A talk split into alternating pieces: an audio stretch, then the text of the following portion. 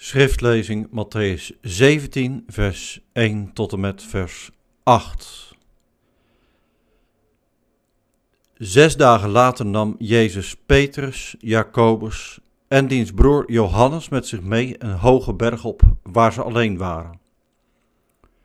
Voor hun ogen veranderde hij van gedaante. Zijn gezicht straalde als de zon en zijn kleren werden wit als het licht.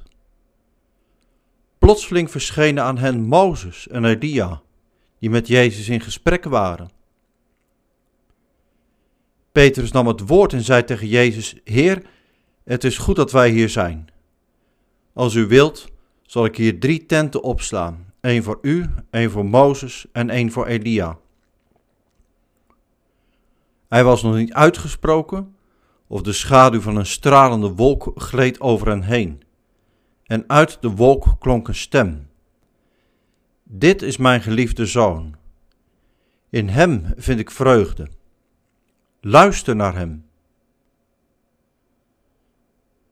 Toen de leerlingen dit hoorden, wierpen ze zich neer en verborgen uit angst hun gezicht. Jezus kwam dichterbij, raakte hen aan en zei: Sta op, jullie hoeven niet bang te zijn. Ze keken op en zagen niemand meer. Jezus was alleen. Tot zover het woord van God. De Heer is erbij, hoe Jezus ons hoop geeft. Preek over het Evangelie van Matthäus, hoofdstuk 17, vers 1 tot 8, uit de serie Preken over het Evangelie van Matthäus. Gemeente van de Heer, gasten, luisteraars. Soms maak je iets mee dat veel indruk op je maakt. Een prachtig feest bijvoorbeeld. Of een mooie benoeming, een nieuwe baan. Of denk aan een eerste kus of iets anders. Dat moment zelf is zo bijzonder, zo intens, daar ga je helemaal in op. Pas later dringt het tot je door wat er nou precies is gebeurd. Matthäus 17, vers 1 tot 8 is zo'n bijzondere ervaring. Jezus verandert totaal. Zijn gezicht straalt als de zon.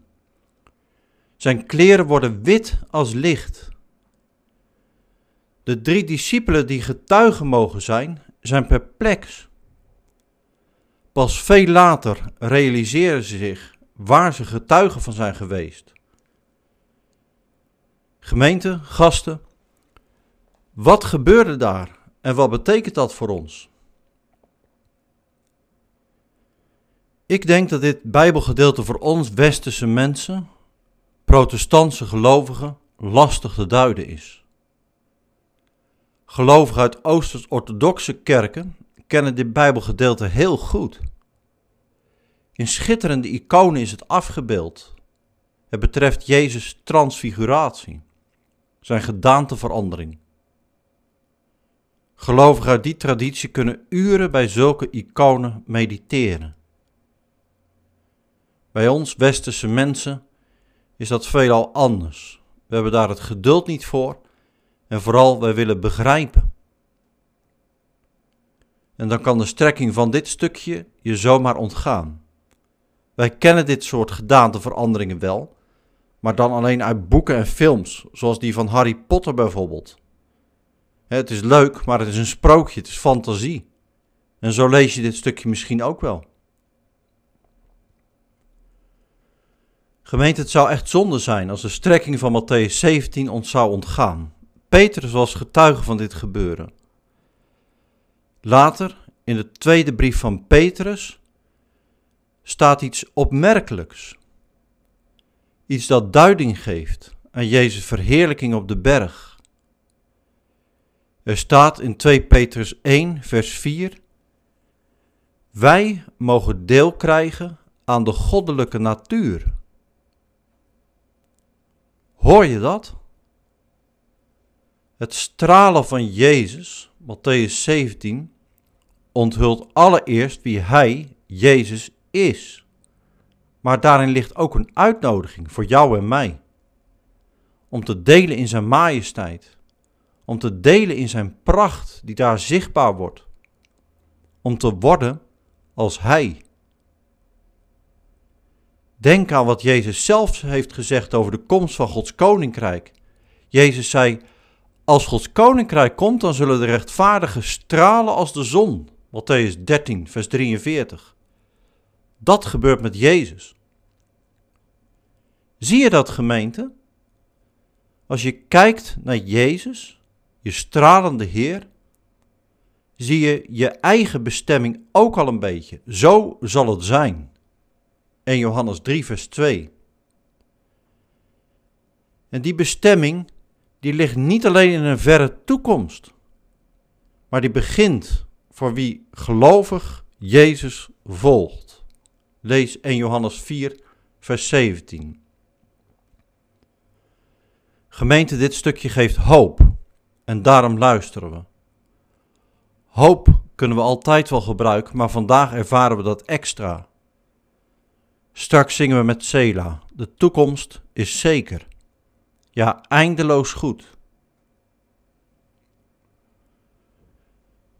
Eerst nog even een stapje terug om goed zicht te krijgen op Matthäus 17. We hebben scharnier hoofdstuk 16 achter de rug.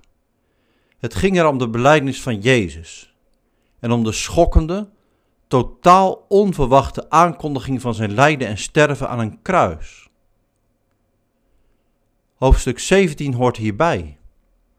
Want makkelijk konden Jezus' discipelen denken dat Jezus of toch niet de redder zou zijn, de Messias, of dat zijn spreken over een kruisdood een vergissing zou zijn. Juist de combinatie van die twee, de Messias aan een kruis, was voor hen ondenkbaar, onmogelijk.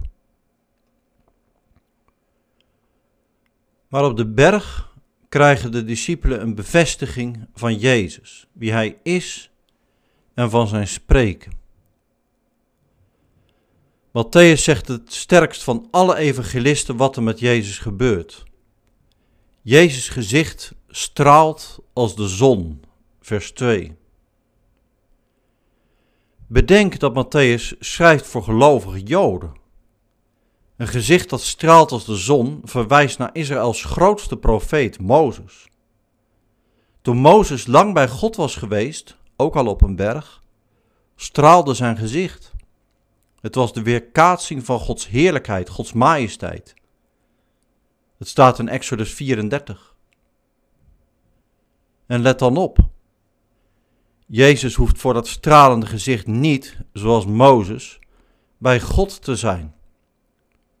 Jezus straalt uit zichzelf. Op deze manier wordt Matthäus 16 bevestigd. Jezus is inderdaad de redder. In de geloofsbelijdenis van Nicea beleidt de kerk met een loflied dat Jezus licht uit licht is. Er ontstaat onzekerheid en paniek bij de volgelingen van Jezus en neem ze dat eens kwalijk. Er staat dat Petrus zegt: Heer, laten we drie tenten maken. Ja, inderdaad, zo hou je dat mooie moment vast. Het is opmerkelijk wat Petrus zegt. Was het niet zo'n indrukwekkend moment geweest, dan was het bijna komisch. Want even geleden had Jezus nog gevraagd aan zijn discipelen wie de mensen zeiden dat hij was. En de discipelen hadden gezegd: Nou ja, de mensen denken dat u Elia bent of Jeremia, een van de andere profeten, Matthäus 16, vers 14. Maar Petrus beleed het goed. U bent niet een profeet, u bent de Messias, de zoon van de levende God. Maar nu, in zijn verwarring, valt Petrus terug in het volksgeloof. Hij wil drie tenten maken.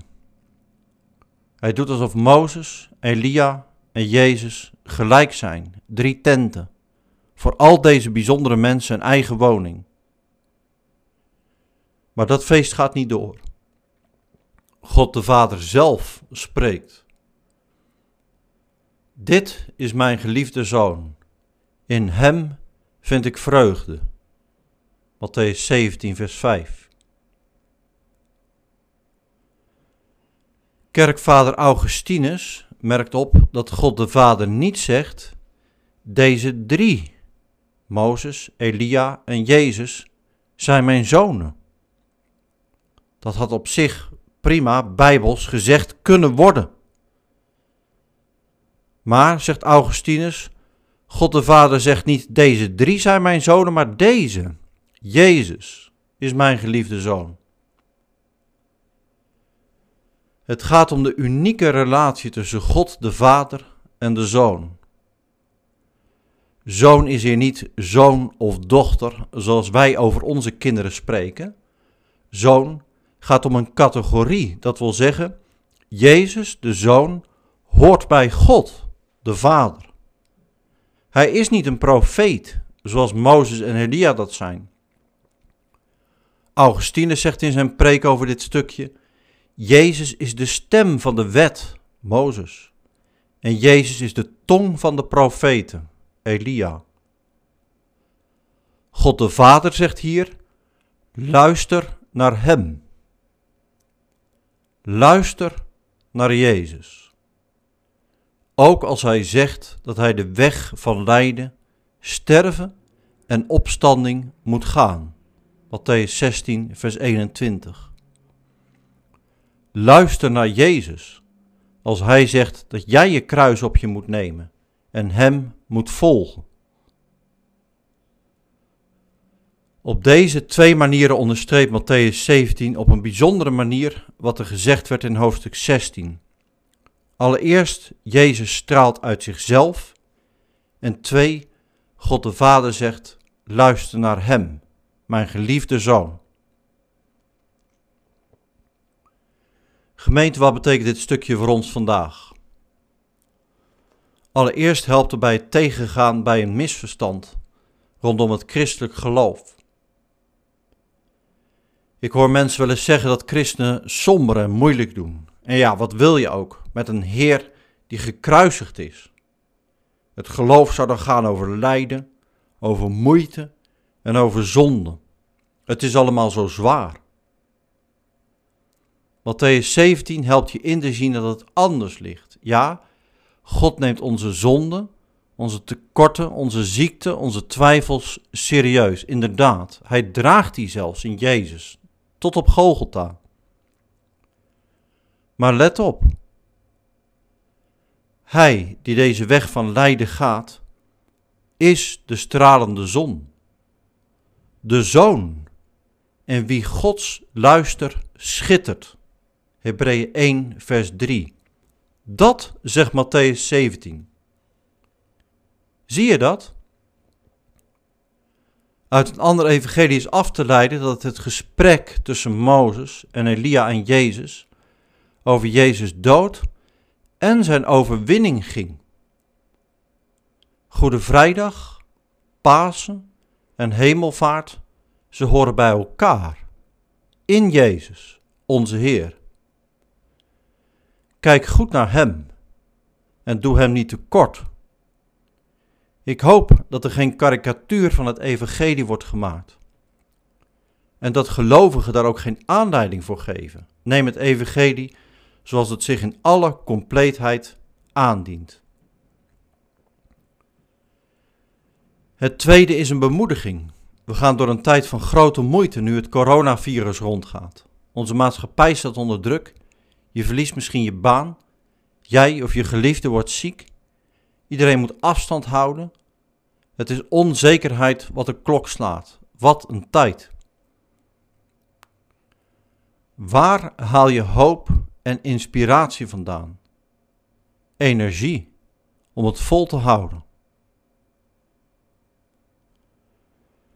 Door de weg van lijden te gaan, laat Jezus zien dat Hij ons niet in de steek laat. Dat Hij ons ook vandaag helpt en troost en inspireert. Daar stonden we vorige week bij stil, Matthäus 16.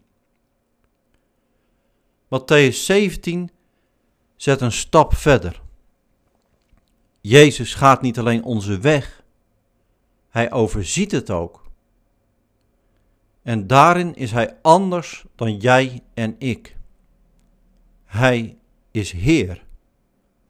Jezus geeft en vraagt ons vertrouwen. Durf jij het aan met Jezus? Let wel, dat is en dat mag ook geen blind of fatalistisch geloof zijn. alsof het goddelijke lot alles bepaalt en wij machteloze marionetten zijn die zelf geen verantwoordelijkheid dragen. Nee, denk aan de spiritualiteit van de psalmen. Daar staat het prachtig mooi. Psalm 31 zingt het. Mijn lot en mijn leven liggen in uw hand. Bevrijd mij. Daar komt het samen. Gods hand, zijn leiding en ons vertrouwen, ons gebed, ons leven. Jezus beantwoordt het gebed van Psalm 31 om redding. Hij bevrijdt ons door zijn leven te geven en ons voor te gaan naar een nieuw bestaan. Zijn gedaanteverandering is daar de voorbode van. Hij die naar Golgotha gaat, is sterker dan de dood, de wanhoop en afbraakkrachten. Gemeente, zo lezen we dit stukje uit Matthäus 17. Sla het niet over. Jezus geeft ons kracht. Kracht om vol te houden in moeite en beproeving. Kracht om op onze beurt te veranderen en te zijn als Jezus. Om te blijven hopen, het goede te doen, God en de ander te blijven liefhebben. Mag zo Jezus' naam schitteren en geprezen worden. Houd moed, gemeente. De Heer is erbij. Amen.